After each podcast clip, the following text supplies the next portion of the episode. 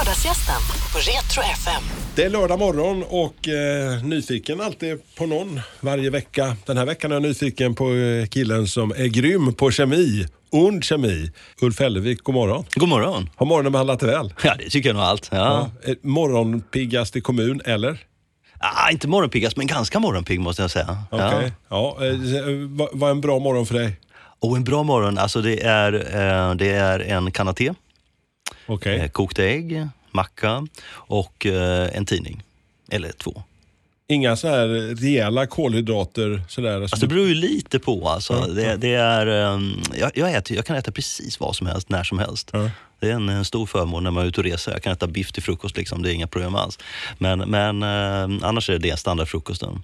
För er som inte känner Ulf så är han eh, professor i organisk kemi på LTH och har klivit rakt. Alltså, när visste du att du skulle pyssla med kemi Ulf?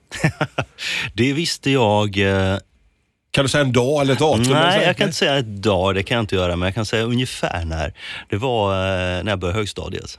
Okej. Mm. Hade du en bra kemilärare hemma i Linköping? Nej, det var, ja det hade jag i och för sig. Jag hade en jätte, jättebra kemilärare. Men det var faktiskt inte det som var anledningen.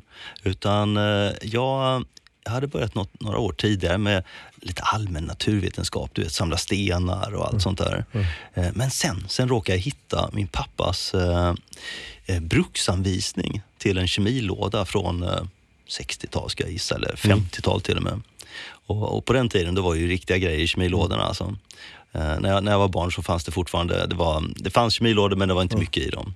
Eh, men här, här kom ju Det var lite mer potenta saker? Ja, eller? det var det. det, var det. Och, och lådan var ju borta sedan länge. Alltså. Men, men boken fanns kvar. Och så började jag liksom experimentera med den där och försöka jaga upp de här kemikalierna igen. Mm. Och det här var ju då, vad kan det vara, 80, ja, tidigt 80-tal där någonstans. Och eh, då gick det fortfarande att köpa saker även som privatperson. Så en gång per år så fick jag åka upp till eh, ett företag i Stockholm och så fick jag liksom shoppa där med en, kundvagn och handla kemikalier för mina föräldrar. Så labbar i källaren. Så att, eh, ja men det ja, på Det är riktigt. lite spännande uppväxt eh. Med, Nej, Alltså mer för mina föräldrar än för Ja. mig skulle jag gissa. lite vardagsedge. Lite vardagsedge, det, det händer ju en del alltså. ehm, Och det, det, finns ju, det finns ju en stor fördel att faktiskt kunna kemi innan man börjar labba. Ja. Men eh, å andra sidan, det, Vad var första misstaget du gjorde? Så här. ah, jag gjorde tokigt mycket klorgas en gång. Ja. Ja, och det, det är lätt hänt alltså. Så att, eh, lite kalinpermanat och saltsyra och sen så börjar bolma grön rök ur... eh, ja, det, sen typ eh, hela, hela det här rummet blektes ju liksom. Så att, äh, det var en dålig idé. Magnesium älskar jag. Min pappa var ju apotekare så han hade massor med såna gamla burkar som han på något mystiskt sätt hade fått hem. Så Ja. det labra, labra, labbade vi lite grann med. Ja. Magnesium brinner ju rätt bra också. Ja, det gör det. Ja, precis. Jag var inte jätteintresserad av pyrotekniken Nej. utan mer, mer färgbyten och eh, kemiska Okej. reaktioner. Och det finns ju fullt tillräckligt. En del grejer var ju säkert helt livsfarliga. Ja. Men, eh, men det var fantastiskt kul. Så att kemi var redan din uppväxt kan man säga? Ja, men, men lite så. så att här, här gled jag ju bort från de här stenarna och allmän natur eh, och sen in i kemin. Och sen kom ju högstadiet och då, då började man ju faktiskt läsa kemi också. Och eh, då fick det ytterligare lite fart på det här. Du, du brinner ju. Alltså det, dels är det när vi sitter och pratar, det lyser i ögonen om det när vi börjar prata kemi. Och, och jag har ju sett dina eh, program tillsammans med eh, Britta på TV och Grym Kemi. Alltså, Mm. det, eh, vad är den här kärleken och evangeliet? Alltså, menar, du, du pisslar ju ändå på, på kemi på en ganska så hög nivå förbi högstadiet. Ja, kan jo, säga jo, jo, det är lite förbi. Nej, det, det är, jag älskar molekyler. Mm. Och jag ser molekyler överallt. Jag menar, man får hitta sin, eh, sin begåvning. Jag är fullständigt tondöv liksom, men, men, men jag ser molekyler. Ja. Och då, då får man väl ta det helt enkelt. Det vore dumt att eh, jobba med musik liksom, eh, och inte molekyler. Men, men, men här, om vi sitter här inne i studion, vad ser du för molekyler här inne? ja, just nu är ju en kopp kaffe här Ja. och där har vi ju, har vi min favoritmolekyl, furfurylmerkaptan, Ja. som är liksom den här råmen av nyrostat kaffe. När, när försvinner den, eh, den? För den vet ju alla, kaffe som har stått på för länge, då måste ju den molekylen gå dit. Ja, jo, växer. den är ganska flyktig. Så Ja. det är ju därför det luktar kaffe. Ja. Eller hur? För då har vi ju molekyler runt omkring oss, men de ångar ju iväg. Och sen när det blir kallt så, så minskar de också. Då kommer det liksom inte vara lika flyktigt. Är det den här samma känsla Ulf, när man öppnar en, eh, en, en nytt paket med kaffe som har varit vakuumpackat och säger pys. Precis. Och så bara, man, alltså man känner sig nästan som en liten kokainist. Man stoppar ja, in näsan där och Oh, bara snortar kaffe. Så gör jag varje gång. Ja. Det är Men visst är det fantastiskt gott? Ja, ja, det är så vansinnigt gott. Och nu är det ju, kaffe är ju jätte, jättekomplicerat. Mm. Jag menar, det är ju säkert tusentals ämnen i den här. Men just den här furfurylmerkaptan, det är en jätte, jättetydlig kaffelukt. Men sen är det rätt roligt, för att om man, om man eh, koncentrerar upp den mer, Mm. så att man liksom har mer av det här ämnet, då byter den lukt. Så luktar den brända bildäck istället. Ja, det kan gå väldigt fort där. Ja, och tar man sen ännu mer, då är den så otrevlig så att man nästan kräks. Jag har en flaska med furfurylmerkaptan på labbet och den är gräslig Det verkligen. luktar inte hallon och maräng. Nej, det gör det inte. Utan det är förfärligt. Men om du, om du skruvar på korken och väntar en kvart Ja. och så kommer man in igen och så här, oh, kaffe. Wow. Då har den spett ut precis lagom mycket. Men, men hur, hur fort eh, går den här? För jag upplever just det som du säger, när man, ett nyöppnat paket med kaffe, om man nu har färdigmalt, så går det väldigt fort. Så att den kan stå en halv dag och sen är i princip det väck. Den där. Ja, ja, det, det är mycket av de här riktiga aromerna från kaffet försvinner ju tyvärr ganska fort. Alltså. Så det är därför jag menar, det, det bästa är ju att mala precis innan. För de är ju inkapslade i bönan. Exakt, och det gör, gör jag. Alltså jag tänkte att jag har inga missbruk i vanlig... Alltså så jag tänkte att kaffe kan man ju missbruka, så det, då tänkte jag att det är lite lagom. Det är väl ganska milt missbruk tycker jag. ja, precis. Eller bruk. Ja. Ja, men just det här precis när det är nymalt så, så är det, det är det, då är det den här för stunden, den där lilla... Fantastiskt gott. Ja. Eh, Men du dricker ändå te på morgonen? Ja, men jag börjar med te och sen så går jag på tyngre. Precis, på den rejäla Precis. Uppväxten, Linköping men också Mellanöstern. Ja, Alltså varför blev det Mellanöstern? Jag vet dina, var dina föräldrar jobbade nere i... ja, precis. Och pappa är militär Ja. och jobbar för FN ett antal perioder. Så, att, eh, så vi bodde med jämna mellanrum bod- bodde vi i då, olika delar av Mellanöstern. Började på Cypern, men det, det var innan jag minns. Men sen framförallt så bodde vi i Gaza en, en ganska lång tid, när jag var åtta. Pratar vi 70-talet eller? Ja. Så att, eh, och det var, det, det, det var spännande. Ja. Men, gå, vad, vad går man för skolan när man... Då så hemskolas man. Okej. Nej, vi var iväg tre månader. Mm. Så att eh, då skickades helt enkelt eh, läxorna med post. Favoritspot i, Mellanöstern? Eh, Jerusalem är en av mina favoritställen. Jerusalem är ju eh, absolut... Sen, sen alltså Gaza är ju en otroligt spännande stad alltså. Menar, det är ju en av jordens äldsta städer. Jag menar, på den här tiden, oavsett var man gick så var det ju igenfallna valv och sånt här överallt. Liksom. Så att, så att eh, det är också spännande. Men, men sen alltså, det, på något sätt är ju ändå eh, Kairo är ju bland det häftigaste. Ja, man, man, alltså, man kan ju gå lätt gå vilse där i, i gränderna. Man, Ja, och, och det, det som var så häftigt var, det här var 1978, då var ju fortfarande pyramiderna öppna. Så att, eh, jag har ju varit inne i de här kamrarna i pyramiderna. Lyllos. Ja, ja men det- lite tur får man ha. Och det, är- det är spännande. Ja, pyramiderna är, är ju, när jag var där, det var ju 80, och det var 87, och då, då, då var det verkligen låst. Men man stod ändå framför de här och tänker liksom de här stora blocken. Ja, ja. Att någon har asat dem. Och det är ett par stycken. Det är några stycken. Men, eh, men de här gångarna inne är ju otroligt spännande. För jag, jag minns jag var ju åtta och rätt tag ner. Det var, det var ganska trångt även för mig då. Alltså. Ja. Och man tänkte lite lågt i tak på några ställen. Och, det är inte mycket utrymme inne i dem. Sen eh, kommer du hem till Sverige, börjar plugga på gymnasiet hemma i Linköping. Eh, och sen blev det Lund, LTH. Absolut. Och vad som hände på, det här var ju, när kan det här ha varit? 88. Ja. Så eh, fanns det någonting som hette forskarskola. Ja. Det här var eh, kursverksamheten som, som hade det här och på flera ställen i Sverige. Så det fanns i Lund, det fanns i Stockholm, det fanns, jag tror det fanns i Umeå också. Kanske ytterligare något ställe. Och då fick man efter gymnasiet så fick man prova på att forska sex veckor på sommaren. Och, eh, så jag kommer ner till Lund och eh, jobbar i en forskargrupp i sex veckor och sen umgås med, med en eh, massa andra forskningsintresserade ungdomar på kvällarna. Och det var fantastiskt trevligt. Så det var där liksom det låga Ja, tändes på allvar eller? Ja men verkligen. Så att jag hade egentligen tänkt, eh, tänkt fortsätta Linköping för det var enklast. Mm. Men eh, så sa min, min handledare här att, eh, vet du vad, om du kommer till Lund så du får jobba hos mig. Okej. Precis, Ja, okej. Ja, ja, men då, det är inte mycket att be för. Så att, då, jag, läste även fjärde året på tekniskt. Så att, eh, tillbaka till Linköping, läste det och sen flyttade ner till Lund 89 och började plugga. Forskar du redan parallellt med utbildningen? Ja, eller? precis. Så att jag forskar eh, 10 procent ungefär. Wow, alltså, så det är ambitiöst eh, Ulf. Ja, absolut. Och det, men det var ju otroligt kul liksom. Alltså, jag du, fick låter, ju ett labb. du låter ju så galet målinriktad Ulf. Ja, ja men det, mycket av det är ändå slump. Är men, eh, men, eh, men jag tycker det är fantastiskt kul. Alltså, vad är grejen? Alltså, vad, är, vad är det bästa med att vara forskare? Ja, men, men det bästa är just det här att man jobbar med saker som, som ingen än så länge vet om. Utan det här är ju saker som är helt nya. Vi Lite bygger hemligt nya sådär. saker. Inte hemligt, mer, mer att vi upptäcker saker och vi, vi, vi, eh, vad jag gör, jag bygger nya molekyler. Ja. Jag bygger molekyler som aldrig har funnits. Eh, som, ska ha, som har ett syfte, utan jag har jag en idé, jag vill titta på någon form av, av biologisk aktivitet och så bygger jag en molekyl för att utforska det. Det är det som är mitt jobb. liksom. Och sen försöka förstå den här, oftast är det ju sjukdomstillstånd. Då. Eh, Vi ska säga att du, du pysslar med kolhydrater. Eh, Jag sysslar med kolhydrater, precis. Jag menar, när, man, när man hör kolhydrater tänker man energi och tänker man liksom power bars och sånt Ja. där. Och det är det. Det är klart det är jätte, jätteviktigt. Men nästan all kommunikation mellan celler Ja. sköts med kolhydrater. Så på cellytorna på alla celler sitter det kolhydrater. Mängder med kolhydrater. Så att man tänker, när man tittar på en sån här bild på en, en cell så ser den ganska slät ut. Egentligen så är den en hårig skulle man kunna säga. Och det är kolhydrater som sticker ut. Och de här, de är, det är meddelanden till andra celler. Som nu är du för nära, akta på dig. eh, Och en cancercell så säger den, ja, gå och dö helt enkelt till alla andra celler runt omkring. Så det här är information som de sprider. Så vad vi vill göra, vi, vi tänker oss att vi, vi, tar en cancercell och ser till att vi byter. Så den, tar, den har inte det här eh, kolhydraterna som cancerceller brukar ha. Nej. Då är den bara en cancercell på insidan och inte på utsidan. Alltså kan den inte ta död på några andra celler. Så kan man oskadliggöra de här, eller åtminstone göra dem betydligt mindre farliga. Så att om du fimpar kolhydraterna där på dem. Kör lite LCHF på cancercellerna. Ja, ja, men lite så. Då är, den, eh, då är den inte längre en cancercell, i alla fall inte utåt sett. Okej. Och det, är enda, det, är, det är bara utåt som är viktigt. Liksom.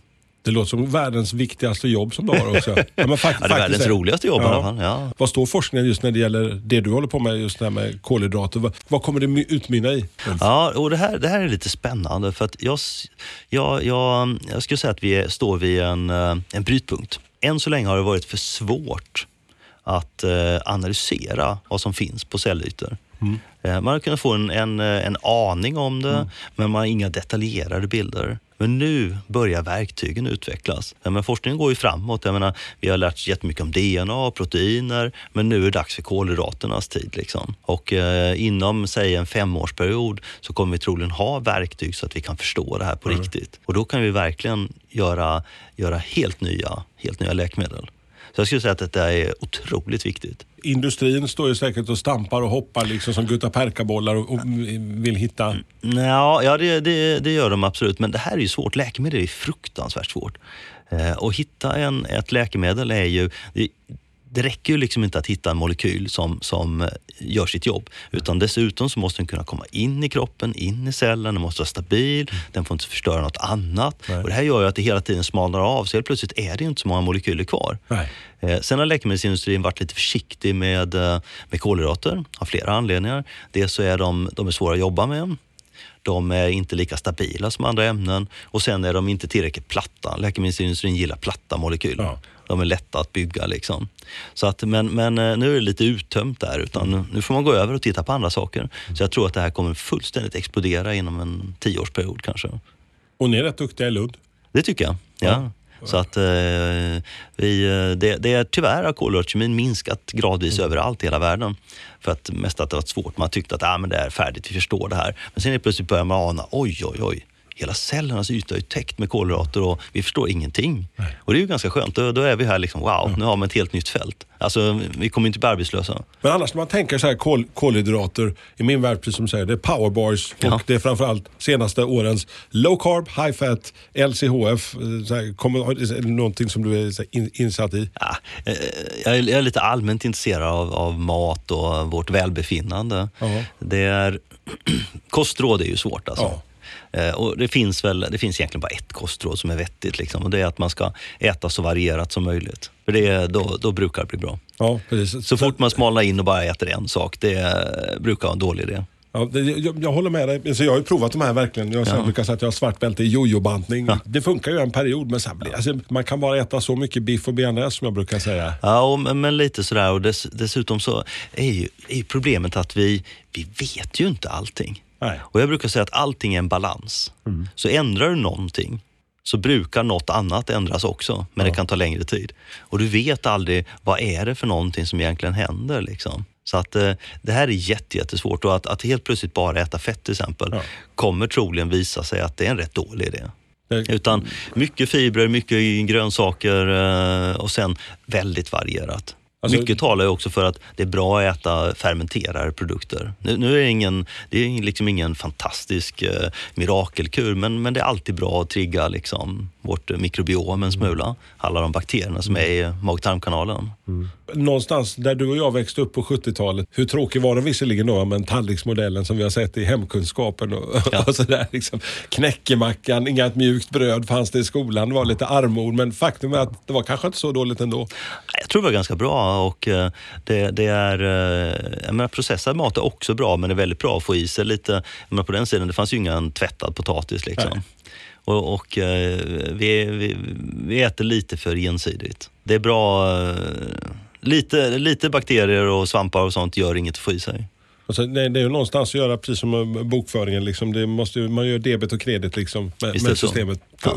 Man får betala lite grann för... Så, så är det absolut. Ja. Sen är vi lite då, jag menar, när jag var liten så eh, då var det ju bara ut och plocka blåbär i, eh, på hösten där.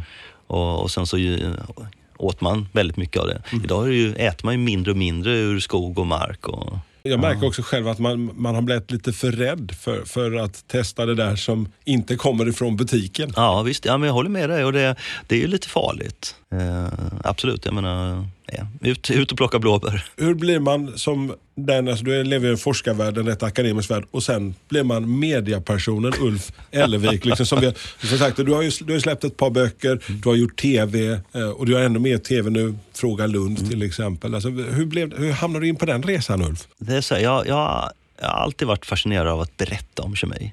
Och eh, som, som eh, på universitetet så, så är man ju lärare också såklart. Och eh, sen så började jag samla på mig historier som jag tyckte var spännande. Och eh, det visade att många av de här handlar om ond, bråd död.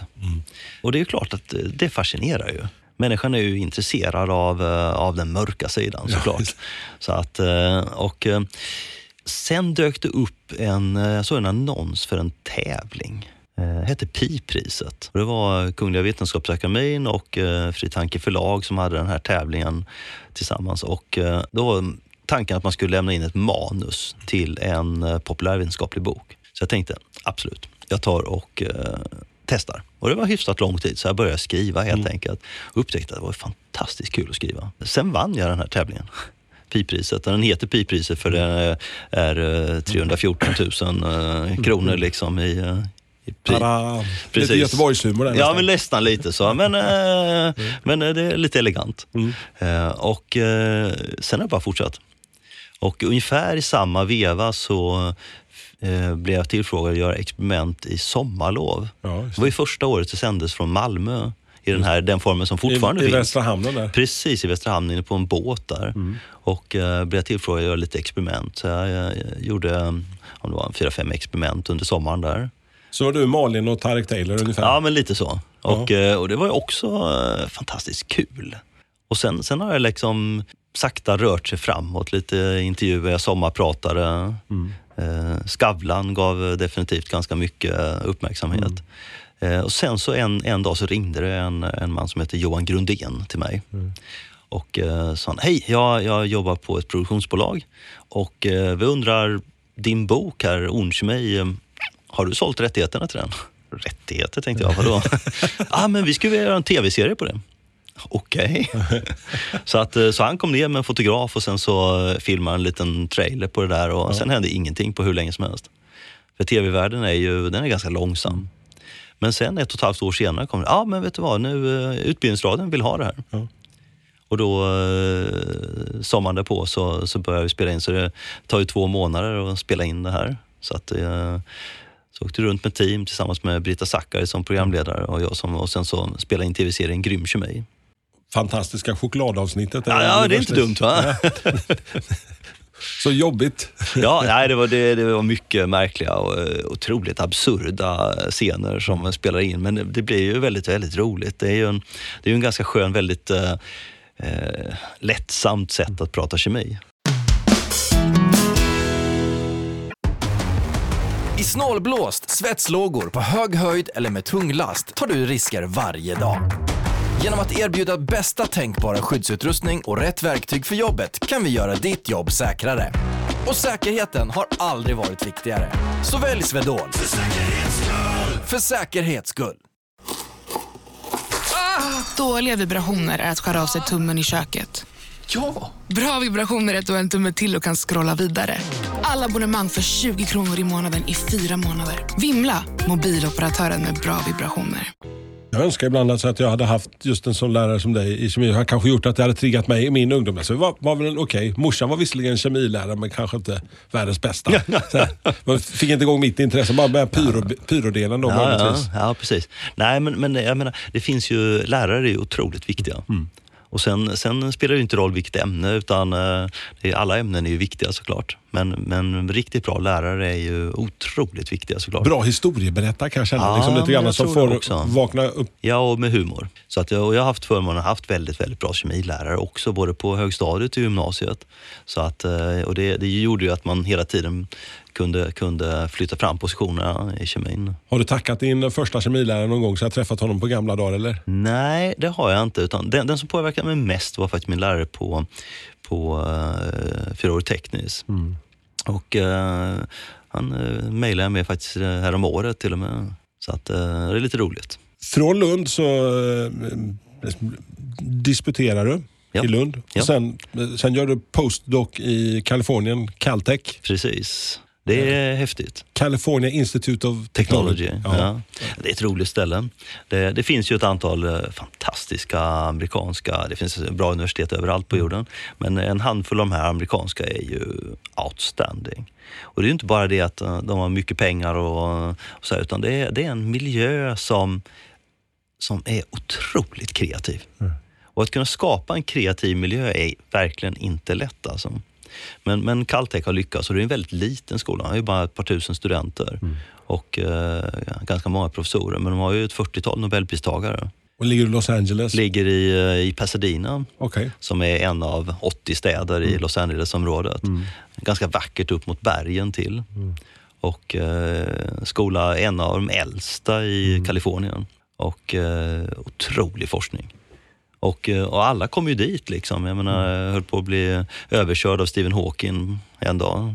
Ja, så, i sin lilla rullstol. Ja, absolut. Och han var där och, och vad heter det, presidenten, de brukar komma dit och berätta om sitt vetenskapsprogram. Och, sånt. Så att, äh, men det är ett häftigt ställe. Vilka presidenter? Har du träffat Clinton? Eller? Nej, jag har inte träffat någon av dem. Men, men, eh, utan vad som händer då är att hela stället eh, stängs ju av och så är det ja. män med öronsnäcka som ja. går runt överallt.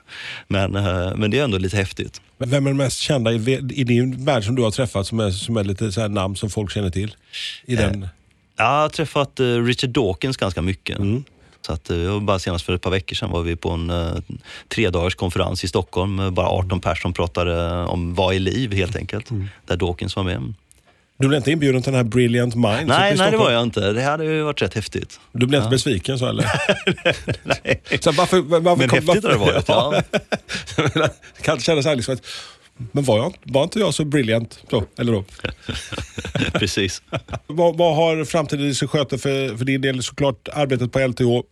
Fråga Lund. Absolut. Och, och just nu jobbar jag med eh, sluttampen på en ny bok. Vad heter den? Den heter Förgiftad.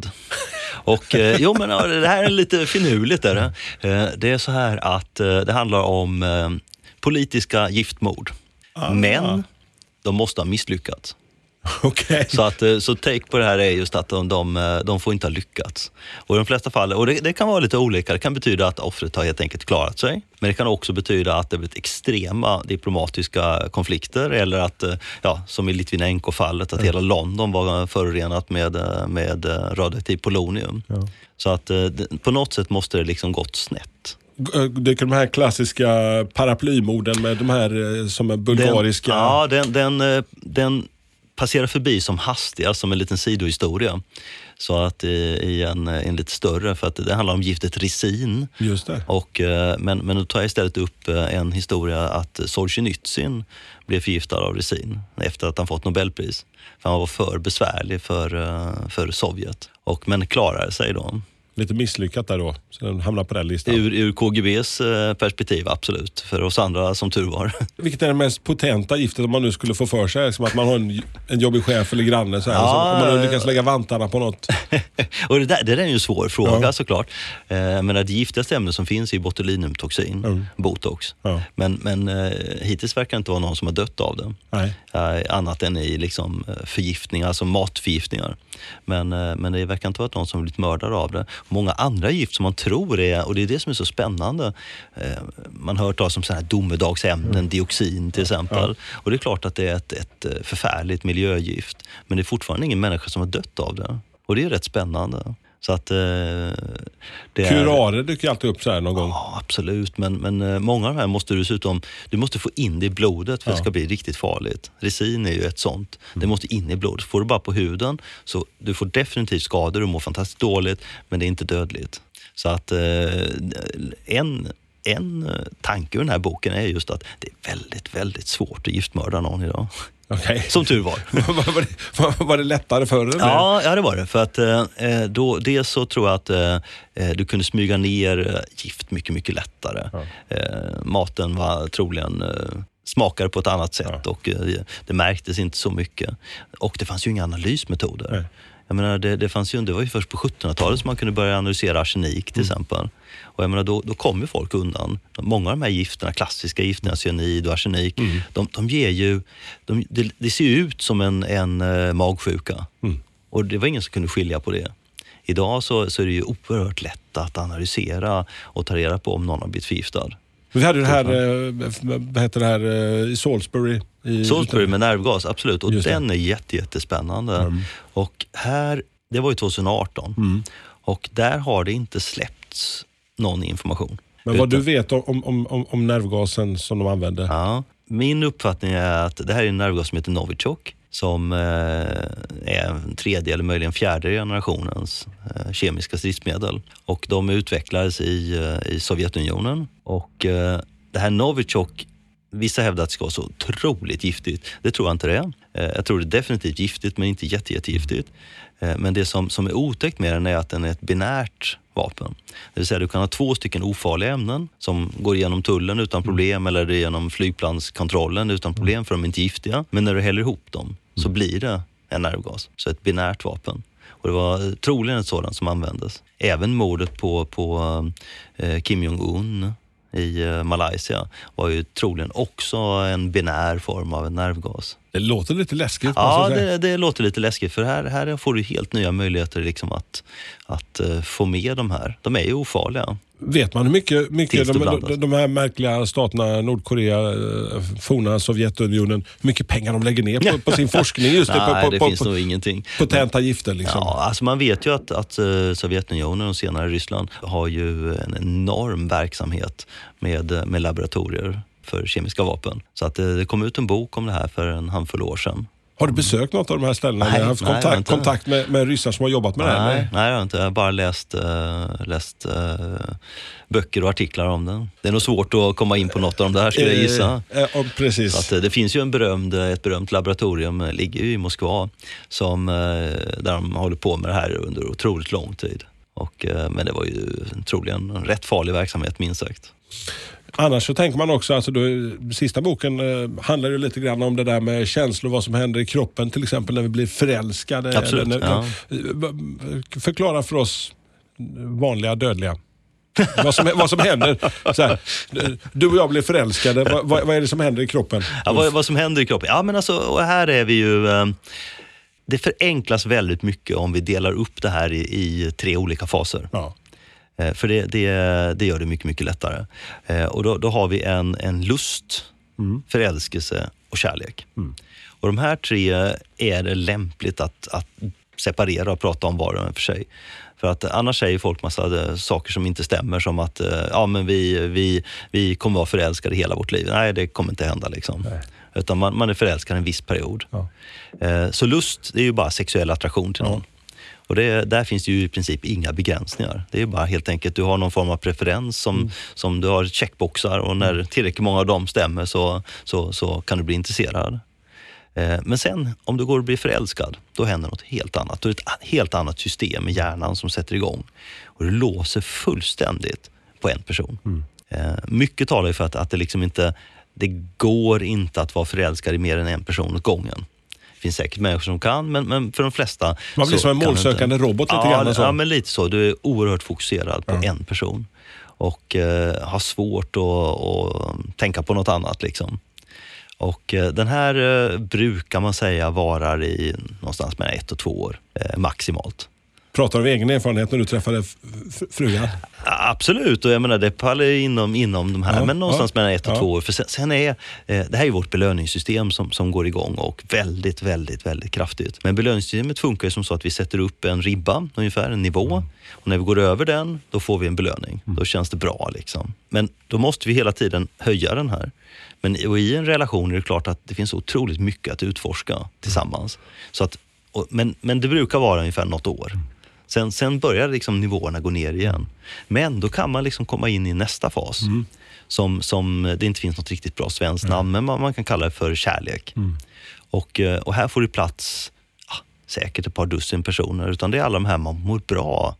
De människor man gillar, kan man bara sitta jämte någon och vara tyst och ändå må bra, då, då, då är det sannolikt att man är i den här eh, fasen. Och där är liksom, det är partner, det är barn, det är föräldrar, det kan till och med vara ens hund. Liksom. Som Så att- ger lite feel good-känsla. Ja, men, men lite så. Och eh, den här fasen är ju, är ju något helt annat och den, den kan ju vara för evigt. Liksom. Och det är, den, eh, det är den fasen man vill hamna i kanske? Ja, ja men eh, det är det ju, eller hur? Och just det här att njuta av vardagen, det är ju det som är väldigt, väldigt viktigt. Ja. Men vi är ju en tid när, när vi rusar från det ena till det andra och läser inte ens klart en artikel på nätet utan bara tar nästa. Liksom. Eh, och och eh, relationer går ju inte att jobba på det sättet utan en relation måste du hela tiden arbeta med och umgås och prata mycket. Och, och, som så här, och kan man då njuta av kan man njuta av att bara, bara sitta i trädgården och eh, liksom prata, då, då är ju livet fantastiskt härligt. Ja, men visst är det så. De, Ja. de små tingen. Det de små tingen och jag tror väldigt, väldigt mycket på att njuta av små ting. För de stora, de, eh, även om man liksom jobbar mot, även om man nu uppnår något sånt här fantastiskt så är det ju sällan så otroligt bra ändå. Nej. Och det, man kan, att, man, man, det är liksom att, att jaga luftslott lite grann. Ja, lite så är det. Eh, Och det, det är också det är härligt att ha, ha långsiktiga planer. Jag gillar långa projekt. Jag tycker det är fantastiskt härligt. När jag sitter och skriver, då är det ju en 8-9 månader bort eh, som innan, innan den här boken är klar. Liksom. Och det, det är ganska skönt, man sakta jobbar sig framåt och har ett, ett långsiktigt mål. Men, eh, men, och det gäller ju att njuta. Njuter man även av det så, så tror jag man eh, mår väldigt bra. Jag brukar alltid fråga mina barn, liksom så här, eh, har, har ni fått skratta idag eller har gjort någonting? Liksom, att, för att det är så jäkla, jag känner också det, det är så jätteviktigt att Ja. någon grej varje dag, för livet Ja. är tufft nog att ta sig igenom Ja, varje dag. så, så är det, absolut. Skratta är extremt viktigt. Ja. Vad händer med, när man skrattar? Vad händer sen den kemiska processen? Kom in Ja. på den också då Ulf. Ja, just, By just, the den, way. just den har jag inte läst på så mycket. Men, men, eh, men menar, när vi mår bra så, så frigörs det ju. Det är en fantastisk massa signalsubstanser i hjärnan som frigörs och gör att vi får den här eh, behagskänslan. Jag menar, det, är, det är ju bra att skratta, det är ju helt uppenbart. Liksom. Det, det stärker ju relationer. Vad är den knepigaste frågan du har fått eh, i, i ditt yrkesvärv nu när du är lite mer populärvetenskaplig? Den populärvetenskapliga delen av ditt liv. Ja, det, det, det kan jag faktiskt inte på rak arm eh, säga. Ofta så, så brukar man... Frågan brukar vara på två. Ja. Ja, Två olika typer av frågor. Antingen är det en, en kemisk fråga och då, då brukar jag ha en aning om svaret, eller åtminstone vad jag ska leta. Eller också så, så visar det sig inte alls vara en kemisk fråga. Och då, då, då kan man ju liksom inte, då är det liksom inte i mitt gebit. Så att, eh, så att de brukar landa i någon av de två. Vilka frågor får du fråga Lund här nu? Alltså, första, en sån här cliffhanger. Så här, vi, Ja, vi, vi, får du vänta till i höst. Ja, lite, lite spoiler alert här nu. Precis. Nej, men det är många bra frågor. Det, det som är så roligt med Fråga Lund är att frågorna ofta har ett, eh, ett djup. De ser banala ut från början, men eh, visar sig vara mycket, mycket mer komplexa. Jag menar, det ska ju inte vara frågor som man bara kan googla upp, liksom, Nej. utan eh, det ska ju vara någonting som går att diskutera, som kanske är något annat än det det ser ut från början. Och det är ju ganska kul, för det finns ju mycket saker som ser väldigt enkelt ut, men som de facto är rätt lurigt när man börjar peta i det. Vad har du på din bucket list eh, som är kvar att göra i den här världen? oh, det är oändligt mycket. ja, men om jag plockar din topp tre Ulf. Nej, oh, jag kan inte ens säga. Det, det finns fortfarande mycket kvar att skriva. Ja. Jag, jag är väldigt eh, fascinerad av hjärnan Ja. och skulle vilja skriva eh, och läsa in mig mycket, mycket mer på det. Eh, För det är svårt. Det är riktigt, riktigt svårt. Och Det här är också ett område där forskningen liksom rör sig otroligt fort framåt just nu. Eh, Men det kommer ändå ta, ta många, många decennier innan vi förstår ens en bråkdel av hjärnan. Men hjärnan är någonting jag skulle vilja förstå mer kring. För det är kul. Och där, där vill jag jobba ett tag nu. Till sist så tänker jag så här, den eh, killen som eh, är fullständigt tondöv, eh, höll jag på att säga. Eller vad det var du sa i början. Ja, jo, men lite så. Ja, eh, jag, jag brukar alltid be mina gäster så här, de får önska någonting de skulle kunna höra på autorepeat. Tänk att CD-skivan, Ulf, Ja. förutsättningar, CD-skivan fastnar i bilen och Ja, du mm. måste lyssna på samma låt varje gång du sätter dig i bilen. Det är stora fördelen med telefonen, med eh, all musik. Nej, men, men och det där är ju, det är ju en, eh, det är en komplicerad fråga. Det är det ju liksom. Vad ska man gå åt då? Men, men en låt som jag är väldigt, väldigt förtjust i är, eh, är Nine Million Bicycles in Beijing. Med Katie Melua. Oh. Och eh, anledningen är att hon, det är så otroligt smäktande och den är, den är så skön. Hon, hon har en helt otrolig röst. Och dessutom är det en rätt finurlig text alltså. Kanske lite klurig. banal men, Ja. Mm. eh, men, eh, men ändå den har någonting. Ja. Jag, jag blir glad av den. Ja. Och det måste vara det, ska man nu lyssna på samma liksom varje dag då, då får man ju se till att bli glad av den. Okej, men då, då, då ska vi se hur glad du blir för här får du Katie Melua. Ha en fantastisk eh, sommar och tack för att du kom Ulf Hellevik. Tack så mycket. Lördagsgästen på Retro FM. Dåliga vibrationer är att skära av sig tummen i köket. Ja! Bra vibrationer är ett och en tumme till och kan scrolla vidare. Alla abonnemang för 20 kronor i månaden i fyra månader. Vimla! Mobiloperatören med bra vibrationer.